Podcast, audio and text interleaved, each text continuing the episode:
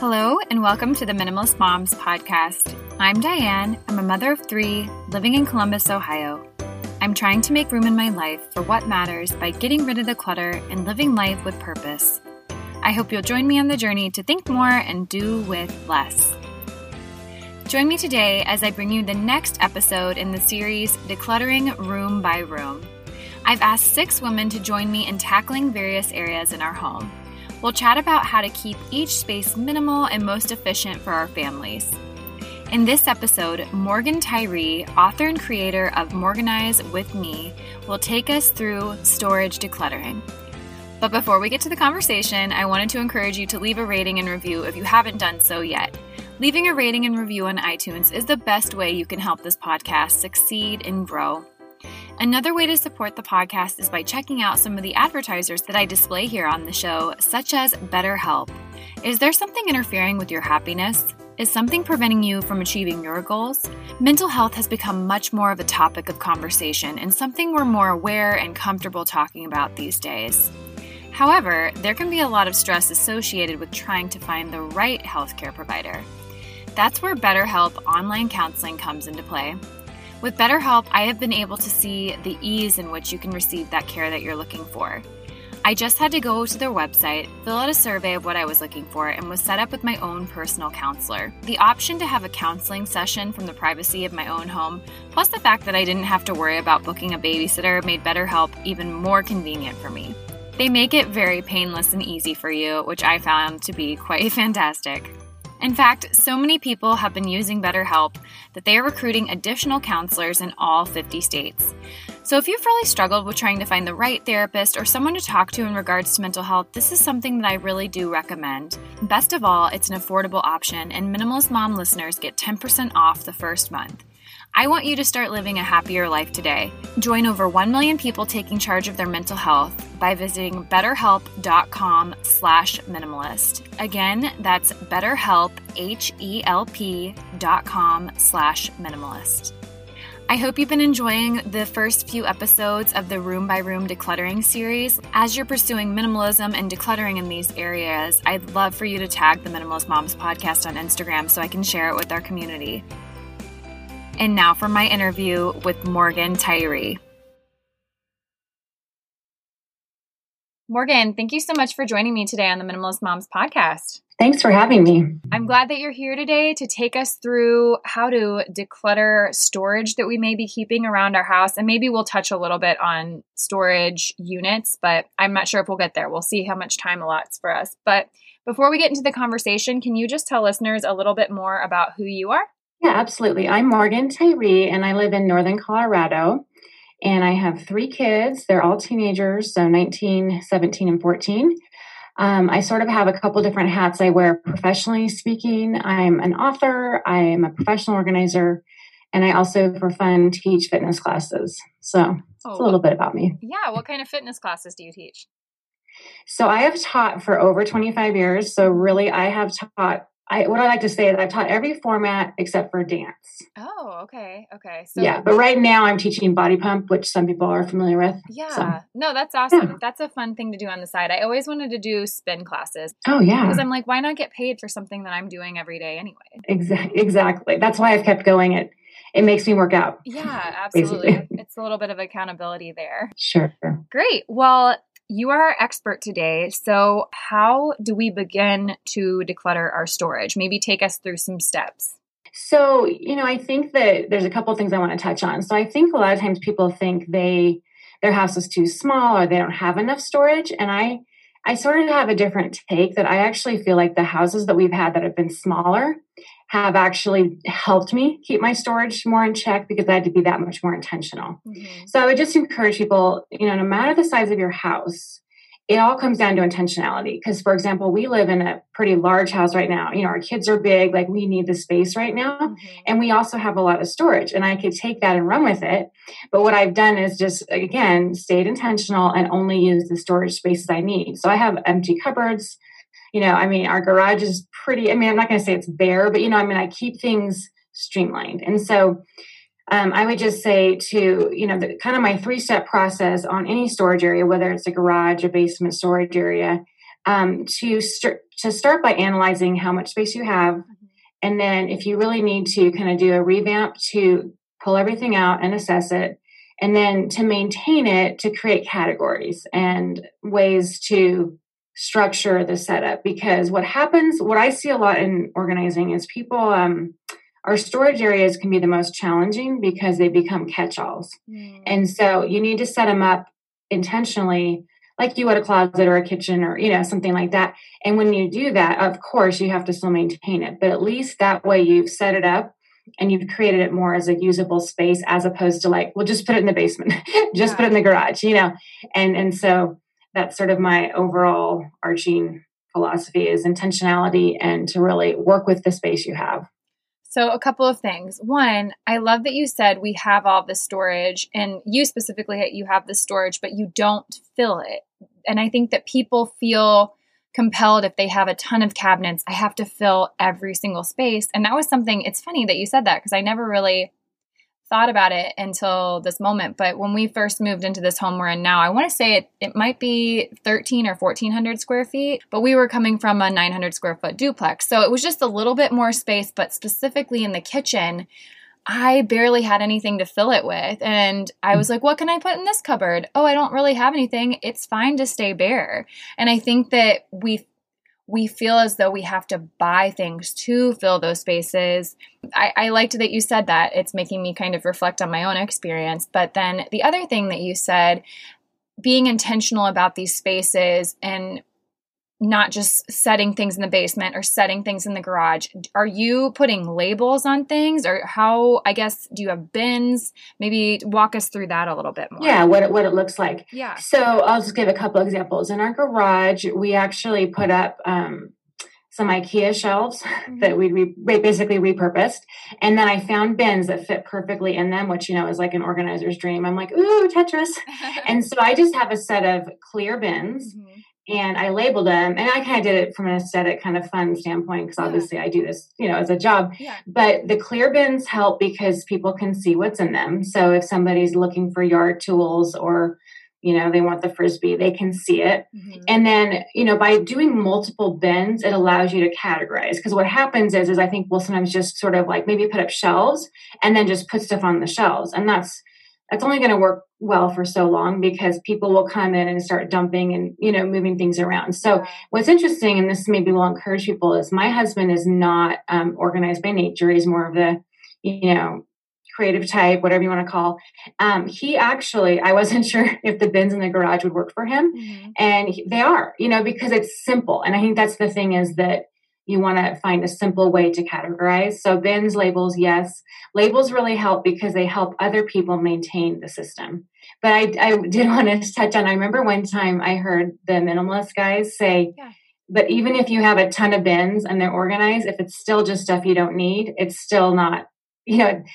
So in other words, set up a system, use bins, use labels, use what makes sense, but make sure you're not keeping things in that space. So, for example, the, the shelves in our garage and the bins, those are the items that we use and that are in this season of things that we have to reach for, grab, you know, access. And so that's, you know, that's what I think. Again, I always go back to intentionality. Like I intentionally said, this is what's going to be in the garage and this is why. Yeah, absolutely. You're right, especially in different seasons. I was telling my husband that we really need some type of storage for the backyard for all of our kids' toys. And mm-hmm. it's not necessarily like it's going to be forever lasting, but in this season, I don't want to just keep them scattered in our shed. I'd rather have a space for them that we can just have easy access. We don't always have to open up our shed. So, when working with clients, what have you seen maybe be like a sticking point for people that they struggle to get their storage organized or decluttered?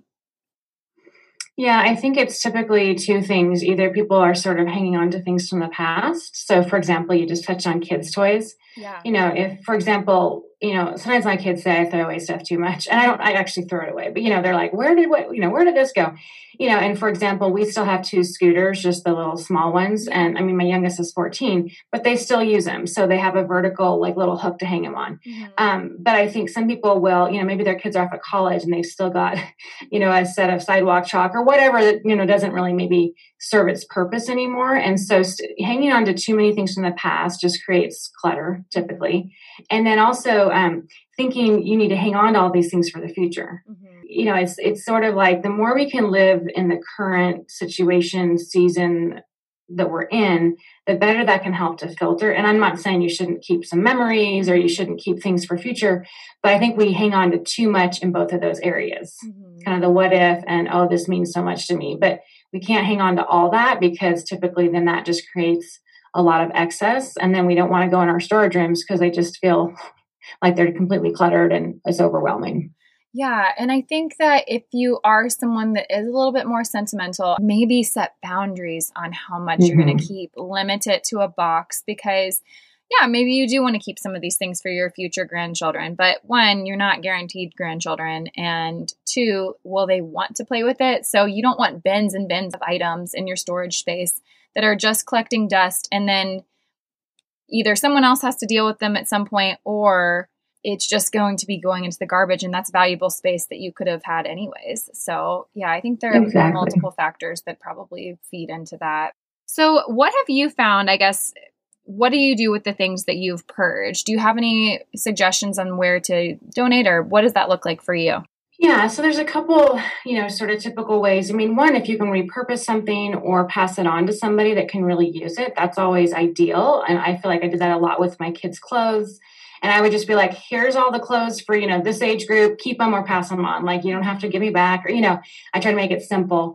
Um, I, I encourage clients, like if they have higher price or higher valued items, that it can be worth it to sell, but it all depends on how much time you want to spend. But mm-hmm. when we moved into this house several years ago, I had all this furniture that wasn't going to work and I just kept selling stuff. It, it takes time, but because it was a higher priced item or a piece of furniture, it, I could justify it. So I wouldn't say sell anything, you know, depends on what it is, mm-hmm. but that can be a good way to to um, you know get a little money from it, but also I feel like you're getting it repurposed in, in, a really good way. It was fun to see people buy my furniture and, and being excited about it. Mm-hmm. Um, and then obviously donate. You can you know obviously donate to places that receive donations. A lot of my clients, I feel like they actually get inspired when they realize that they can pass something on and it will maybe be put to better use. Because a lot of times we've got stuff piled up mm-hmm. that's not being used. And if we pass it on, the chances are greater that it will be put back to use. Yeah, no, that's great. I have been asking this question in the decluttering series just because I think that everyone is going to have a slightly different answer as to what has worked best for them. And then it's honestly just fun to see like mm-hmm. if there might be some varying answers. But I think you're right. That's with selling, I always suggest not to do if it's not worth your time. With Facebook Marketplace, it's actually very easy to take a picture of it and then just put it out for a porch pickup. But if it's something mm-hmm. that's going to be all of these steps, it's usually probably not worth it unless it's a big ticket item, like you said. That's what I yeah. found in my own life. Definitely. Can I share one thing too? Yeah, I found some of my older clients can kind of be intimidated by mm-hmm. using, you know, the online selling options. And that'd be a great time to ask somebody, maybe a child or a neighbor, to help you. And another suggestion I would say is if you're going to sell some things, try to group it together and sell everything over the same week or two. So you're not, you know, selling one thing here, one thing there. Because I feel like there's a bit of a housekeeping between responding to people, needing to be home, mm-hmm. whatever. So if you sort of come at it from, a, you know, with a strategy or ask somebody to help you, because some people, you know, enjoy it and are really fast at it. So mm-hmm. you no, can be creative. Yeah, that's absolutely true. What have you seen, going back to more of your own personal experience, what have you seen or what would you say is the best thing that you personally experienced from decluttering this area in your home? Yeah, well, I, you know, I'd have to say the reason or the, what I like about it is I like pulling in my garage and feeling that the garage is an extension of my home and not a place I just want to like ignore or like put on blinders. You know, I mean, I feel like the garage, it's still a garage. It's not like it's beautiful, mm-hmm. but it has um, a nicer feel to it. It doesn't just feel like it's the catch all. So I think it, you know, it can help you, or even when I go into my basement storage room because I have a freezer down there, I don't feel like I'm walking through, you know, I'm stepping on stuff. Like it sort of just gives me a sense of peace of feeling like those parts of my home also have some harmony to them. Mm-hmm. I mean, they're not as, you know, pretty as the living room, but they aren't just these places that have become, you know, where everything goes that we don't know where it should go. Yeah. So that's, I, I think that's overall the benefit. And then also, we have moved a lot. You know, we even had an overseas move and we've in the last few homes have had a lot of storage and I could have really just filled those up. But when you move and when you touch all your things, you realize how little, you know, or how how much less you want to keep. And so I think that um, that has just been a benefit and has helped me say, okay, even though I have storage, I'm not going to fill it because I don't want to just have to keep moving it mm-hmm. and let these places become out of control. Yeah, moving definitely helps you pare down things that you thought that you had already pared down, but it's it's kind of nice to have that. I know that Gretchen Rubin talks about I don't remember which book it was or maybe she just talks about it online and on her podcast, but she talks about a virtual move. So even if you're not going to move, actually pretend like you are, like to get mm-hmm. you motivated and prompted to do so. I'll put a link in the show notes for that. Well, do you have anything else that you would like to share with listeners? Or if not, you can let them know where they can find you. Yeah, I would just say that uh, my my last tip would be if if hanging on to things or struggling, you know, with making decisions, whether it's past or future, mm-hmm.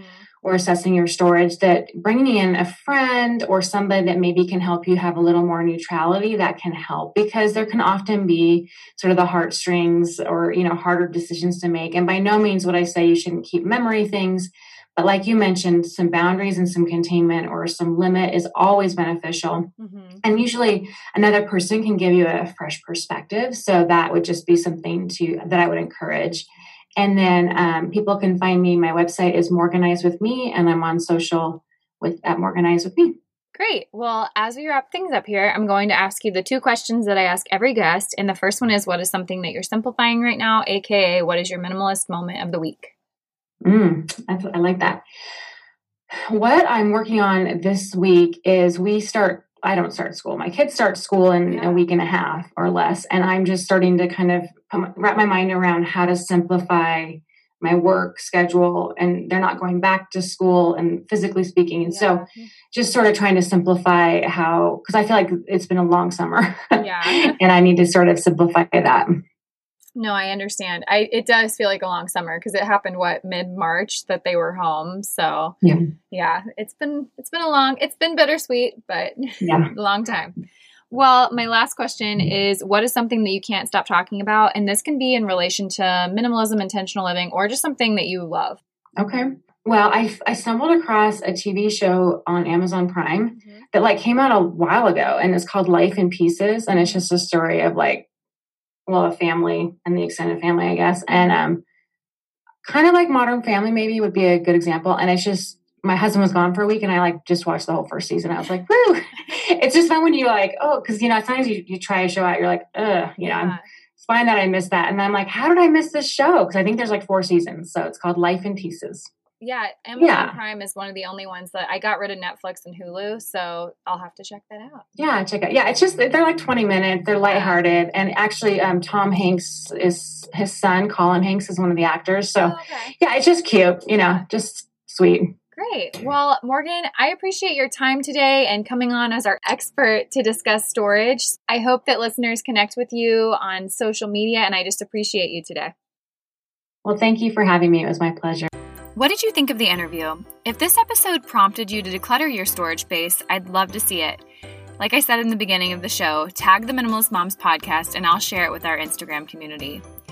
Join me back here next week as we continue our series on decluttering the home room by room, and we will move on to closets with my interview with Emily Usanio. Thank you for joining up on this journey. I wish you a lovely week as you think more and do with less.